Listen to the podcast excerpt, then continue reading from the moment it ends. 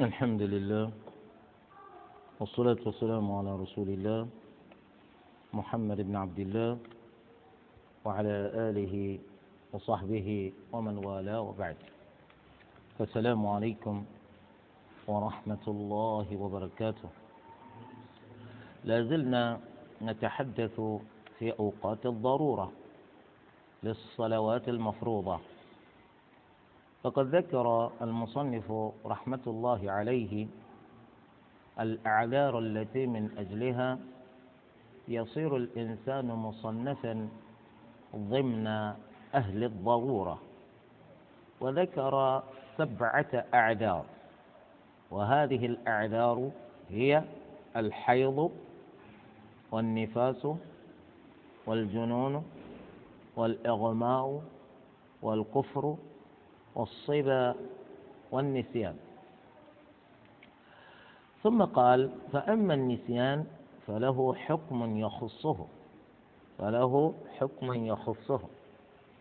ذلك لأن الإنسان إذا نسي إذا نسي صلاة فلم يصلها في وقتها فتذكرها فإنه يصليها متى ما ذكرها سواء أكانت الوقت أكان الوقت الذي ذكر فيه تلك الصلاة وقت اختيار أو وقت ضرورة. حتى لو كان ذلك بعد خروج الوقت بالكلية بأن يكون الوقت وقت صلاة أخرى بالكلية مثلا نسي الإنسان الفجر فلم يصلي الفجر حتى غربت الشمس. لم يصلي الفجر حتى غربت الشمس. بيد أنه صلى الصلوات الأخرى. صلى الصلوات الأخرى. صلى الظهر والعصر وقبل أن يصلي المغرب تذكر أن عليه فجرا ماذا يفعل؟ يجب عليه أن يأتي بصلاة الفجر. يجب عليه أن يأتي بصلاة الفجر فوق فور تذكره إياها. فور تذكره إياها. بين أنه يطالب بإعادة كل من صلاة الظهر وصلاة العصر بعد صلاته الفجر. فهمتم؟ ذلك لأننا مأمورون بترتيب الصلوات. فالفجر صلاة الفجر تأتي قبل صلاة الظهر وقبل صلاة العصر.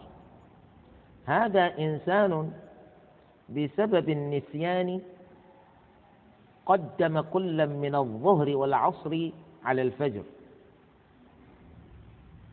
ثم تذكر فإنه يأتي بالفجر وعليه أن يأتي بكل من الظهر والعصر بعد الفجر.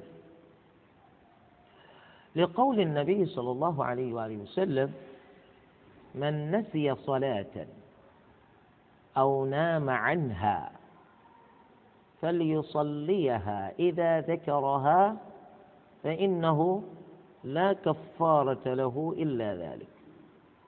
هذا فيما رواه الإمام مسلم رحمه الله في صحيح ورواه غيره كذلك. إذا النسيان يقول له باب يخصه لأن الأمر في النسيان أوسع من الأمر في الأعذار الأخرى المذكورة مع النسيان. لأن الإنسان الذي نسي صلاة فإنه يطالب بالإتيان بتلك الصلاة ولو خارج وقت الضرورة. ثم إنه في الوقت الذي يأتي بتلك الصلاة فيه يعتبر مؤديا إياها وليس قاضيا لها. فهمتم؟ هو إذا صلاها بعد تذكره نقول إنما يصليها في وقتها بالنسبة له. أي ليس آثما. لأنه إنما ترك فعلها في وقتها بسبب النسيان. فالوقت الذي تذكرها فيه هو وقتها بالنسبة له. فهمتم؟ إذا أمره أوسع من أن يتقيد بأوقات الضرورة. صاحب النسيان لا يتقيد بأوقات الضرورة بل هو مخاطب بالإتيان بتلك الصلاة في أي وقت تذكرها. انظر إلى قول النبي صلى الله عليه وسلم من نسي صلاة أو نام عنها فليصليها إذا إذا ذكرها. متى ما ذكرها؟ إذا ذكرها. في أي وقت؟ فإنه لا كفارة له إلا ذلك. كفارته أن يصلي تلك الصلاة في الوقت الذي تذكرها فيه. ثم أكرمكم الله لأنه ناس فهو معذور لأن النسيان من الأعذار المعتبرة شرعا وهو مرفوع عنه القلم وقت نسيانه. لعموم قول النبي صلى الله عليه وآله وسلم رفع القلم عن ثلاث عن نائم حتى يستيقظ وعن صبي حتى يحتلف وعن مجنون حتى يفيق. النائم النائم الناس يشبهه إلى حد كبير. ولذلك قارن النبي صلى الله عليه وسلم بينهما في ذلك الحديث. من نسي صلاة ولذلك قلنا لعموم الحديث ليس لنص الحديث لأن الحديث ليس نصا في المسألة ولكنه يدل على حكمه بعمومه. إذا هذا الإنسان قارنه النبي صلى الله عليه وسلم مع النائم فقال من نسي صلاة أو نام عنها فليصليها إذا ذكرها ولم يقل النبي صلى الله عليه وآله وسلم فليصليها إذا ذكرها أو قام من نومه فاكتفى بواحد. فليصليها إذا ذكرها. ويستشف من هذا أن النائم أيضا مطالب بتلك الصلاة إذا قام من نومه لأنه معذور لأنه معذور شرعا. فقال فأما النسيان فله حكم يخصه وأما سائر الأعذار فلها حالتان. سائر الأعذار من حيض ونفاس وجنون وإغماء وكفر وصبا فلها حالتان. يعني هذا تقسيم لا يجادل فيه أحد. تقسيم معلوم لدى الجميع بدهيا يعني لا يحتاج إلى أن تتعب نفسك. كل الناس يعرفونه. يعني إذا كنت فكرت قليلا ستعرف أن هذا الكلام الذي يذكره كلام لا يجادل فيه أحد. يعني العذر له حالتان. حالة ارتفاعه وحالة حدوثه. أي حالة ذهابه وحالة مجيئه. فهمتم؟ إذا له حالتان.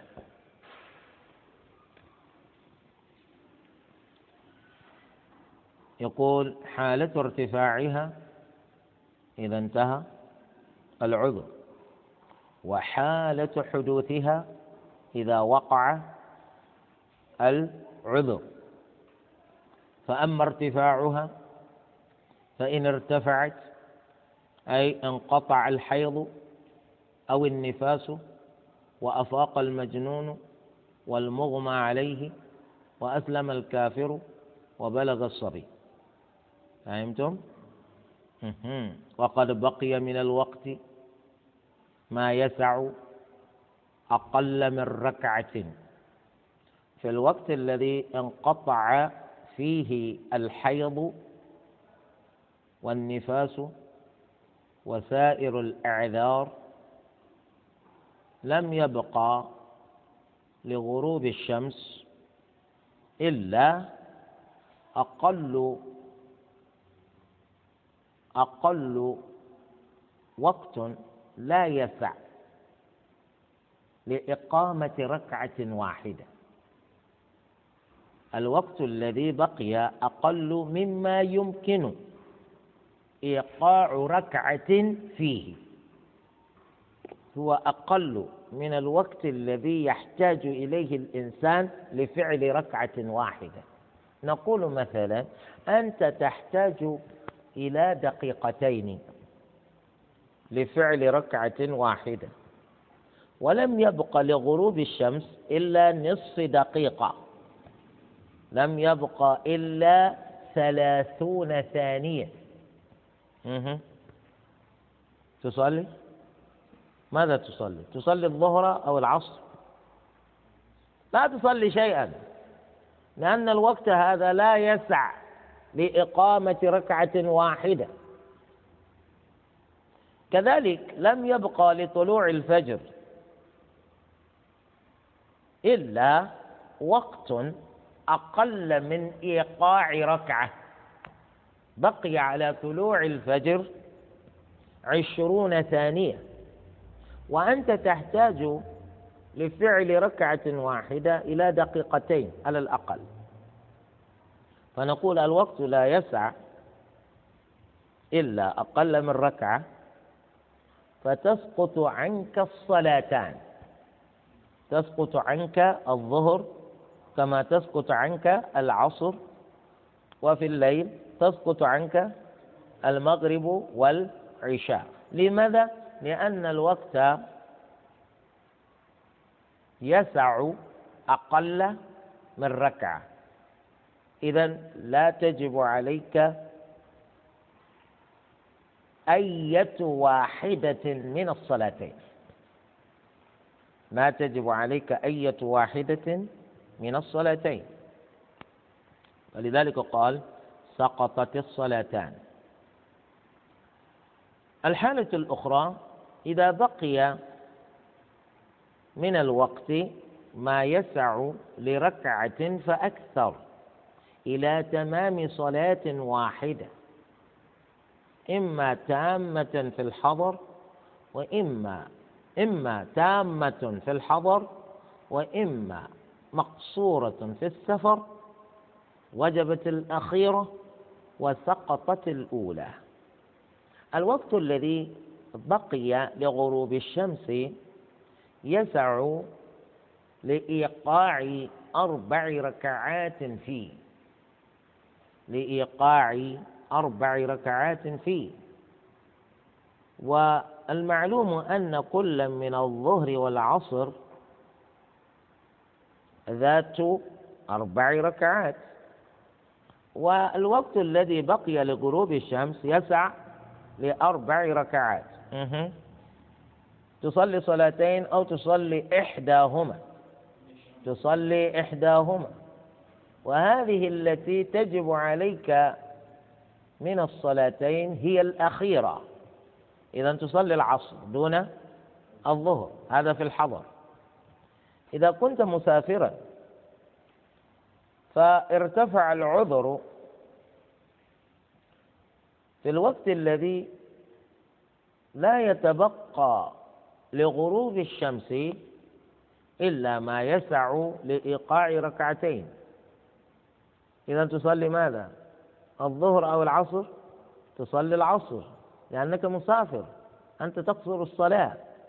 أها أنت تصلي الظهر ركعتين تصلي العصر ركعتين. إذا ماذا تصلي الآن؟ تصلي العصر فقط.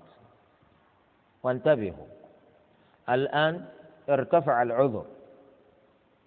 ولم يبق من الوقت إلا ما يسع لإيقاع إحدى الصلاتين.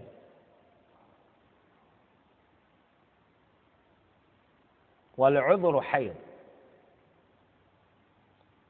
أو نفاس. انقطع الحيض وانقطع النفاس وبقي من الوقت ما يسعى لأربع ركعات. تذهب تصلي الآن؟ المرأة تذهب تصلي الآن قبل أن تغتسل أو تغتسل أولا ثم تصلي؟ أها اغتسلت وقد خرج الوقت. ما المقصود بهذا الكلام؟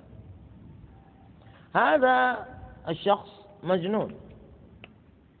أفاق ولم يبق من الوقت إلا ما يسع لإيقاع صلاة العصر. بعد إفاقته يذهب يتوضأ يصلي أو يتطهر ويزيل عنه التفت. لأنه إنسان مجنون شعره وجسمه كله يتنظف ولا لا يتنظف؟ يتنظف. فمثل هذا يتنظف ويتطهر. كم يستغرق هذا من الوقت؟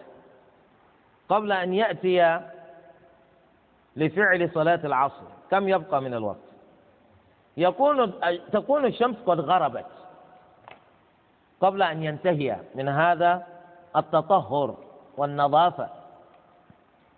هذا كافر يا جماعة. الكافر أسلم ولم يبق من الوقت إلا ما يسع لإحدى الصلاتين لإيقاع صلاة من الصلاتين.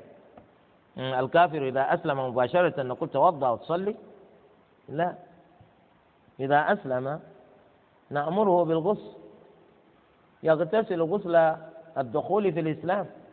ثم بعد ذلك آه، يزيل عنه التفت ثم يعني يزيل عنه الملابس التي كان يرتديها. تلك الملابس التي كان يرتديها يرتديها حالة كفره وهو في حال كفره لا يفرق بين هذا وذاك ربما يكون تكون تلك الملابس يعني ملابس متلبسة بالنجاسات وبالأوساخ والأدران التي لا يسمح الإسلام للإنسان بأن يرتدي مثلها إلى الصلاة. غير غير ثيابك وثيابك فطهر. متى يفعل كل هذا؟ غربت الشمس. كذلك المغمى عليه كذلك الصبي. إذا بلغ بالاحتلام فهو يخاطب بالغسل بالغسل من الجنابة. متى ينتهي من الغسل؟ ومتى يأتي يصلي؟ آه الذي يظهر من كلام الفقهاء هنا أنهم إذ يقولون مثل هذا الكلام يرمون إلى أن يفقهوا الطالب في مسألة لا يصرحون بها وهي مسألة أن الإنسان هذا الذي زال عنه العذر وبقي ما قيل من الوقت يأتي بتلك الصلاة وإن خرج وقتها بعد تهيئه لأنه يتأيه لإقامة تلك الصلاة. التهيؤ هذا قد يأخذ منه وقتا والوقت الذي يأخذه منه التهيؤ قد يؤدي به إلى أن يكون قاضيا لتلك الصلاة حين يصليها ولا يكون مؤديا إياها وإنما يكون قاضيا لها فهمتم؟ لأنه لم يبقى من الوقت إلا ما يمكنه إيقاع الصلاة الأخيرة فيه فهو بينما يتهيأ لإقامة تلك الصلاة بما أمره به الشارع إذا بالوقت قد خرج بالكلية فهو لا يزال مخاطبا بالإتيان بتلك الصلاة على سبيل القضاء. على سبيل القضاء لأنها وجبت عليه قبل أن يخرج وقتها. فوجب عليه فوجبت عليه قضاء. وجبت عليه قبل خروج وقتها فوجبت عليه قضاء. فهمتم؟ ولأنه صاحب عذر لم يتمكن من الاتيان بتلك الصلاة أداء لأنه لبسبيل إزالة ما هو قائم به من موانع فلم يكن آثما بخروج الوقت قبل اتيانه بتلك الصلاة على سبيل القضاء فهمتم؟ إذا ليس معنى ذلك أن الحيض انقطع وبقي من الوقت ما يمكن فيه فعل صلاة العصر فقط فتذهب المرأة لتصلي بدون الوضوء لأن الوضوء أيضا يأخذ من الوقت شيئا. لا هي تذهب تغتسل. إذا اغتسلت تأتي تصلي. كذلك الكافر يغتسل. كذلك الصبي الذي بلغ بالاحتلام يغتسل. كل هذا يأخذ من الوقت شيئا. إذا فهمنا هذا تبين لنا ما أراد المصنف بقوله فأما ارتفاعها فإن ارتفعت فقد بقي من الوقت ما يسع أقل من ركعة سقطت الصلاتان. سقطت الصلاتان. وإن بقي ركعة فأكثر. إلى تمام صلاة واحدة إما تامة في الحضر وإما مقصورة في السفر وجبت الأخيرة وسقطت الأولى.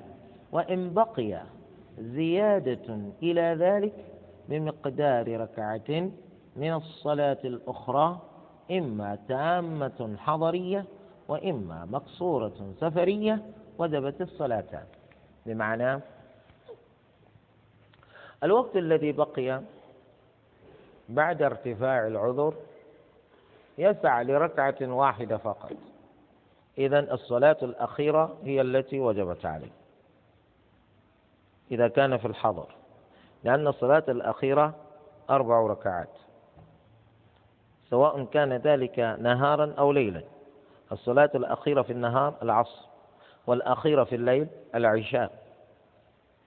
وإذا كان الوقت كذلك حتى في السفر إذا كان الوقت لا يسع إلا لركعة واحدة فقط فهو يصلي الأخيرة لأنه يصلي العصر في السفر قصرا ركعتين ويصلي العشاء في السفر قصرا ركعتين. إذا الوقت لا يسع إلا للصلاة الأخيرة. وإذا كان الوقت لا يسع إلا لركعتين فقط إذا كان في الحضر يصلي العصر فقط. ويصلي العشاء فقط. وإذا كان في السفر فإنه يصلي العصر أيضا فقط ويصلي العشاء فقط. لماذا؟ لأن الوقت لا يسع لأكثر من ركعتين. ولو كان الوقت يسع لثلاث ركعات إذا كان في الحضر فهو يصلي العصر فقط ويصلي العشاء فقط. أما إذا كان في السفر والوقت يسع لثلاث ركعات. إذا يصلي كلا من الظهر والعصر. لأنه يصلي الظهر وقد أدرك من الوقت ما يمكن أن يصلي فيه ركعتين. ثم أيضا زيادة على ذلك الوقت يسعى لإيقاع الركعة الثالثة. إذا يكون أدرك ركعتي الظهر وركعة من العصر في الوقت. وقد تقرر بالسنة الصحيحة أنه إذا أدرك الإنسان ركعة من الصلاة من صلاة العصر قبل أن تغرب الشمس فقد أدرك العصر فهمتم؟ كذلك هذا إذا كان في السفر أما إذا كان ليلا وهو في السفر والوقت لا يسع إلا لثلاث ركعات فقط فهو يصلي آه يصلي صلاة فهو يصلي صلاة صلاة إذا كان الوقت يسع لثلاث ركعات وهو وهو في السفر في الليل يصلي يصلي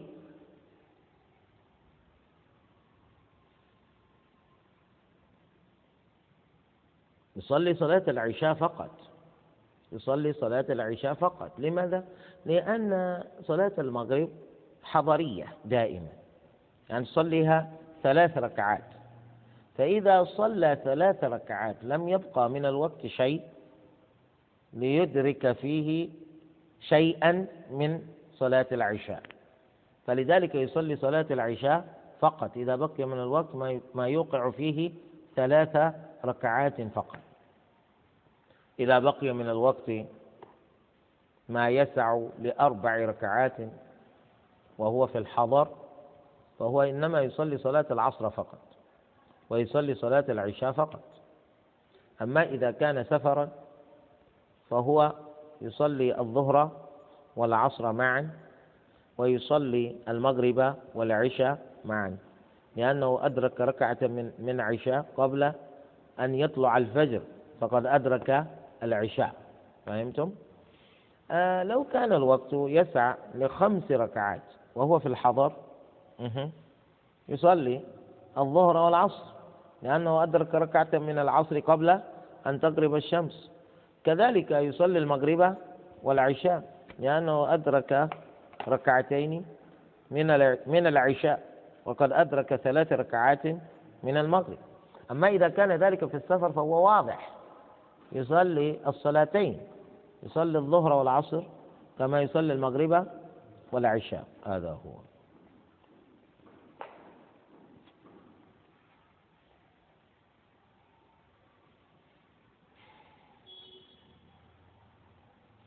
وإن بقي زيادة إلى ذلك بمقدار ركعة من الصلاة الأخرى إما تامة حضرية وإما مقصورة سفرية وجبت وجبت الصلاتان وبيان ذلك؟ طبعا كل هذا الذي ذكرناه أراد المصنف أن يفصل القول فيه تفصيلا بالمثال. قال وبيان ذلك أنه إذا طهرت الحائض لأن الحيض عذر من الأعذار أو أفاق المجنون عذر من الأعذار والقول في الحيض كالقول في النفاس أو أفاق المجنون عذر من الأعذار والقول في الجنون كالقول والقول في الإغماء كالقول في الجنون ولذلك اكتفى بذكر واحد.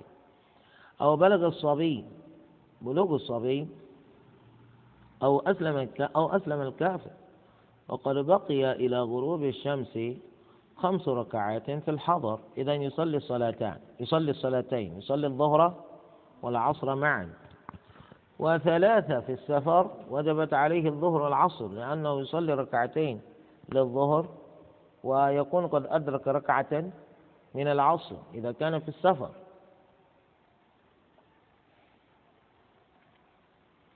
وإن بقي أقل من ذلك إلى ركعة وجبت العصر وحدها. وإن بقي أقل من ركعة سقطت الصلاتان. وفي المغرب والعشاء إن بقي إلى طلوع الفجر بعد ارتفاع الأعذار خمس ركعات وجبت الصلاتان في الحضر. وإن بقي ثلاث سقطت المغرب أي يصلي العشاء فقط. وإن بقي أربع فقيل تسقط المغرب. يعني إذا بقي أربع ركعات لطلوع الفجر آه، الأصل أن تجب الصلاتان. لأنه يصلي المغرب بركعاتها الثلاث ويدرك ركعة من العشاء في الرابعة.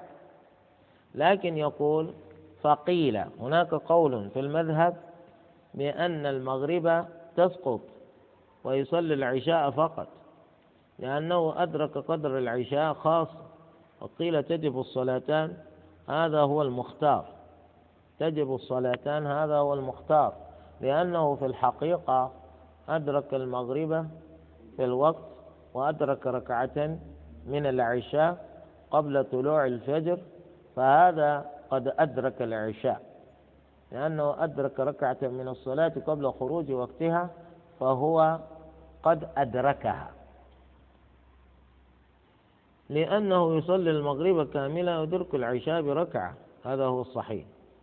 إذا إلى هنا ينتهي الكلام فيما يتعلق بارتفاع العذر بذهاب العذر.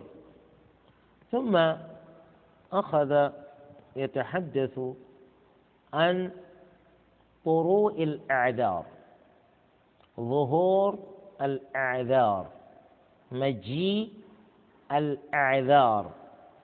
قال وأما حدوث الأعذار فيتصور في الجنون والإغماء والحيض والنفاس ولا يتصور في الكفر والصبا ولا يتصور في الكفر والصبا لماذا؟ لأن المجنون آه، يكون مكلفا مسلم مكلف طرأ عليه جنون. قد كان عاقلا فزال عقله. زال عقله. كذلك المغمى عليه. قد كان صاحب عقل وذا شعور فزال عنه شعوره. زال عنه شعوره. هذا مسلم مكلف. كذلك الحائض والنفساء كل واحدة منهما مسلمة مكلفة تعبد ربها. فجاءهما ما جاءهما من حيض ونفاس. هذا يتصور حدوثه. أما الكفر الكفر هذا لا يتصور حدوثه. لا يتصور يقول ولا يتصور حدوث العذر في حدوث العذر في الكفر والصبات لأن الكافر هذا إذا طرأ عليه عذر الكفر إذا طرأ عليه عذر الكفر فإن الكفر هذا يبطل عنه يبطل عنه كل شيء يبطل عنه كل شيء. ولقد أوحي إليك وإلى الذين من قبلك لئن أشركت ليحبطن عملك ولتكونن من الخاسرين. ثم إن الصبا لا يحدث للإنسان أن الإنسان أصلا إنما يولد طفلا ثم يصير صبيا ثم يترعرع ويكبر حتى يصير مميزا ويصير بالغا. أما أن يقال أنت كبير الآن صرت صغيرا كيف؟ كيف تصير صغيرا وأنت كبير؟ حتى إذا كان الإنسان طاحنا في السن حتى صار لا يعلم شيئا بعد علمه. لا يقال إنه صار صبيا. لا يزال كبيرا بلا عقل لا يزال كبيرا لكنه لا يحسن التصرفات. وهكذا. فإذا حدث في وقت مشترك بين الصلاتين سقطت الصلاتان. بمعنى إذا طرأ الجنون على الإنسان العاقل في وقت مشترك بين الظهر والعصر قبل أن يصلي الظهر وقبل أن يصلي العصر نقول سقطت عنه الصلاتان. الإنسان الذي زال عقله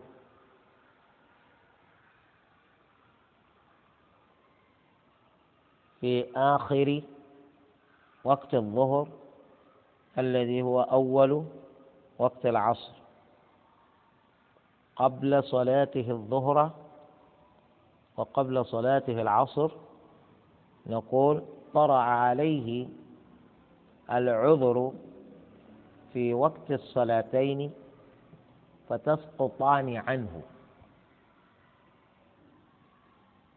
وهكذا لو كان عذره الإغماء في الوقت المشترك أو كان عذره الحيض أو النفاس. فمثل هذا نقول آه، حدث له عذر في وقت مشترك بين الصلاتين فتسقط عنه الصلاتان. إذا كانت المرأة لم تصلي الظهر حتى دخل وقت العصر فرأت حيضها. نقول الظهر والعصر تسقطان عنها ولا تخاطب بقضائهما بعد طهرها. فهمتم؟ اليوم الذي بدأت المرأة فيه حيض ذلك الشهر. رأت الحيض في الوقت المشترك بين الظهر والعصر.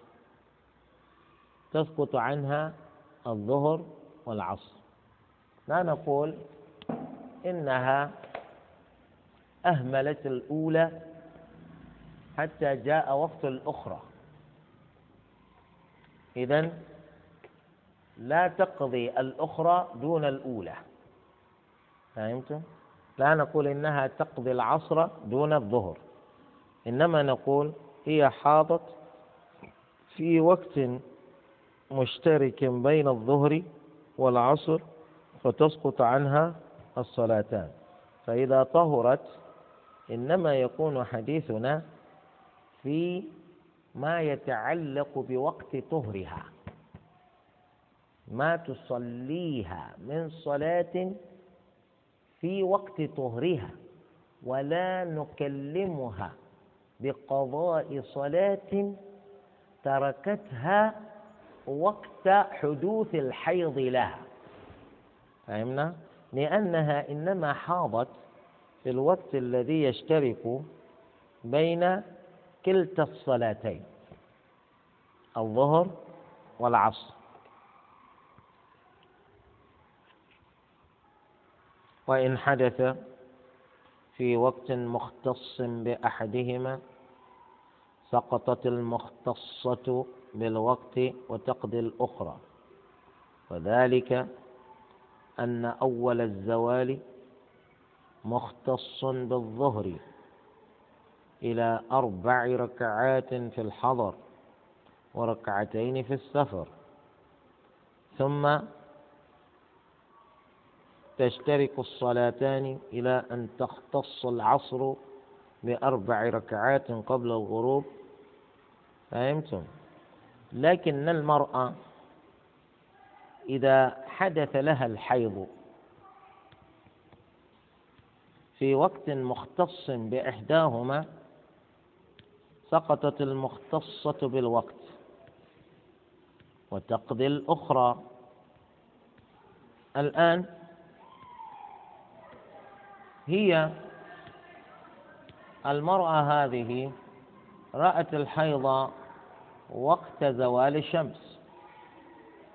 هذا الوقت خاص بصلاة الظهر. خاص بصلاة الظهر.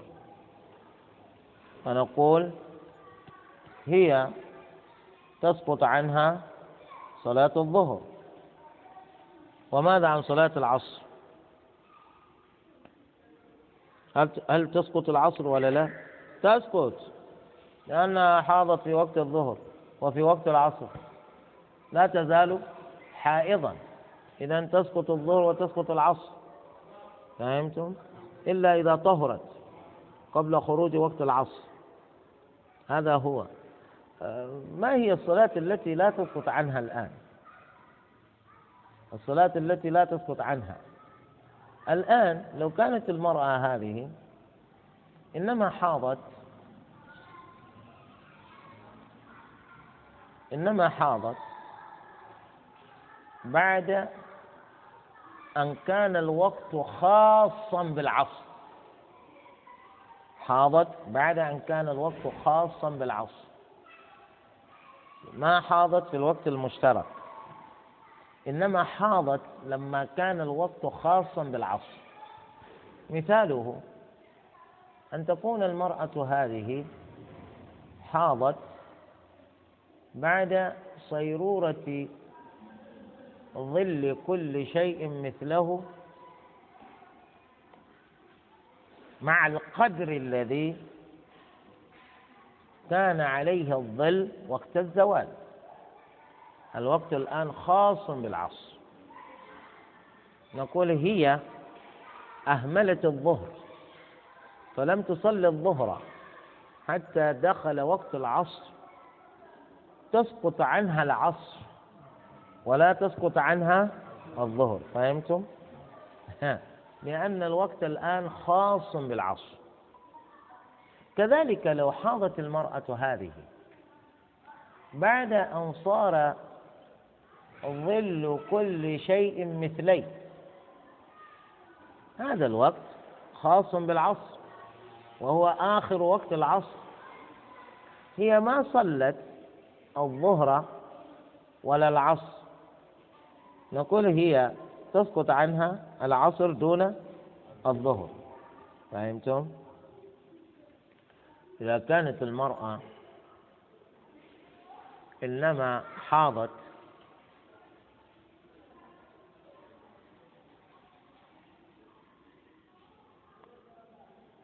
قبل مغيب الشفق الأحمر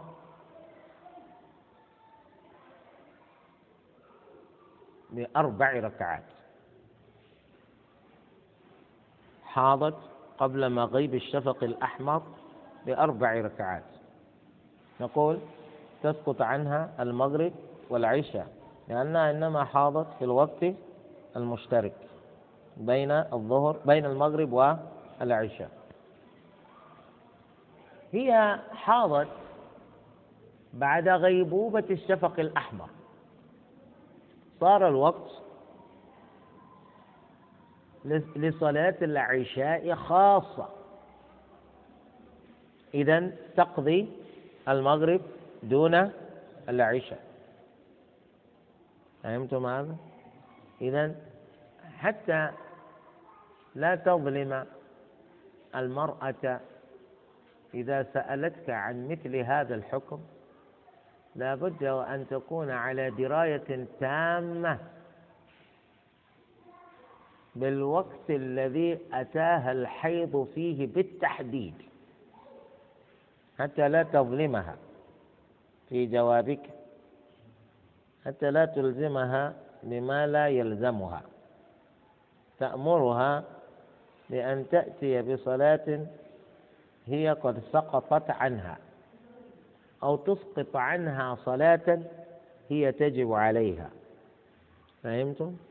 إذا لابد أن تكون المرأة آه، دقيقة في تحديد الوقت الذي أتاها الحيض فيه حتى يعلم المستفتى ما يفتي به ولا يخطئ في فتاواه هذا هو.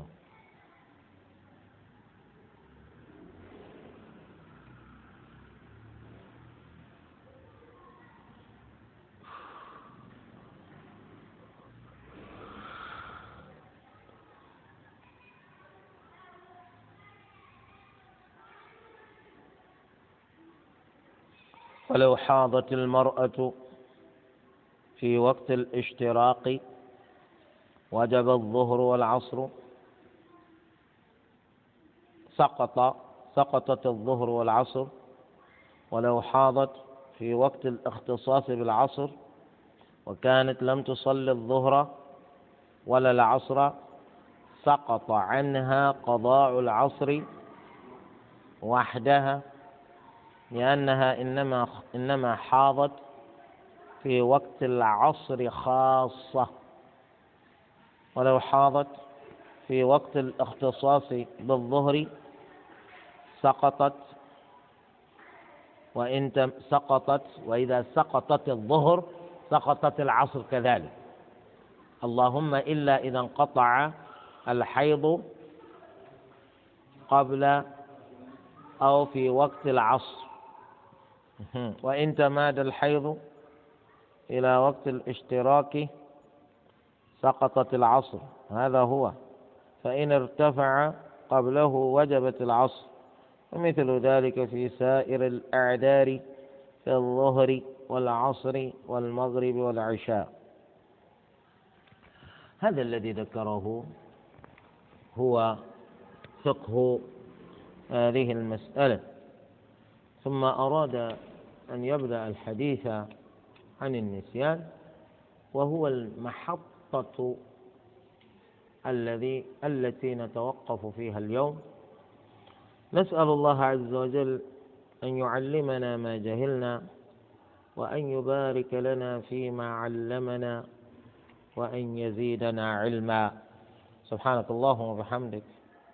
أشهد أن لا إله إلا أنت أستغفرك وأتوب إليك.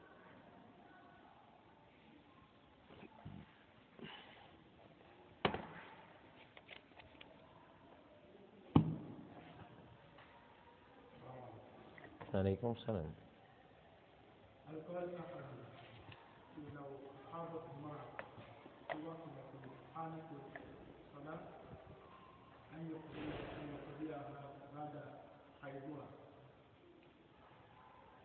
هل؟ في لو كان المرأة حاضت في وقت وقت وقت صلاة الخاصة لا لا ما قال أحد كيف يقولون هذا؟ إذا قالوا بهذا يكون آه، لا ينسبون إلى العلم بقدر ما ينسبون إلى الجهل. والذين يتكلمون في الشريعة هم الفقهاء.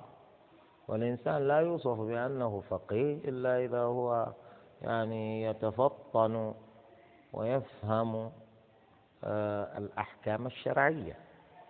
الله عز وجل رفع الصلاة عن الحائض والنفساء. متى متى تكون الصلاة مرفوعة عن المرأة بسبب الحيض؟ إذا حاضت في وقت صلاة من الصلوات. فهو كيف إذا يقول فقيه؟ المرأة ولو حاضت في وقت صلاة تقضيها. هذه تكون يعني هذا يكون حروريا يكون حروريا. كالمرأة التي سألت أم المؤمنين عائشة رضي الله عنها يعني كيف تقضي المرأة الصيام إذا حاضت ولا تقضي الصلاة؟ فقالت أحرورية أنت؟ يعني حرورية طائفة من طوائف الخوارج. فهمتم؟ يعني لأن الفقه يقتضي بأن الفقيه لا يقول قولا فارغا. القول الفارغ القول الفاضي الذي لا معنى له لا يقوله فقيه. لأنه يتناقض مع وصفه بأنه فقيه. فقيه معناه فاهم. هذا عليكم السلام.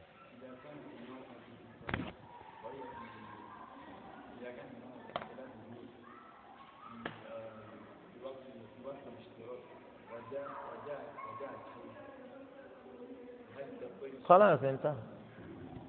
انتهى. تسقط الصلاتان عنها تفارق الصلاة فورا.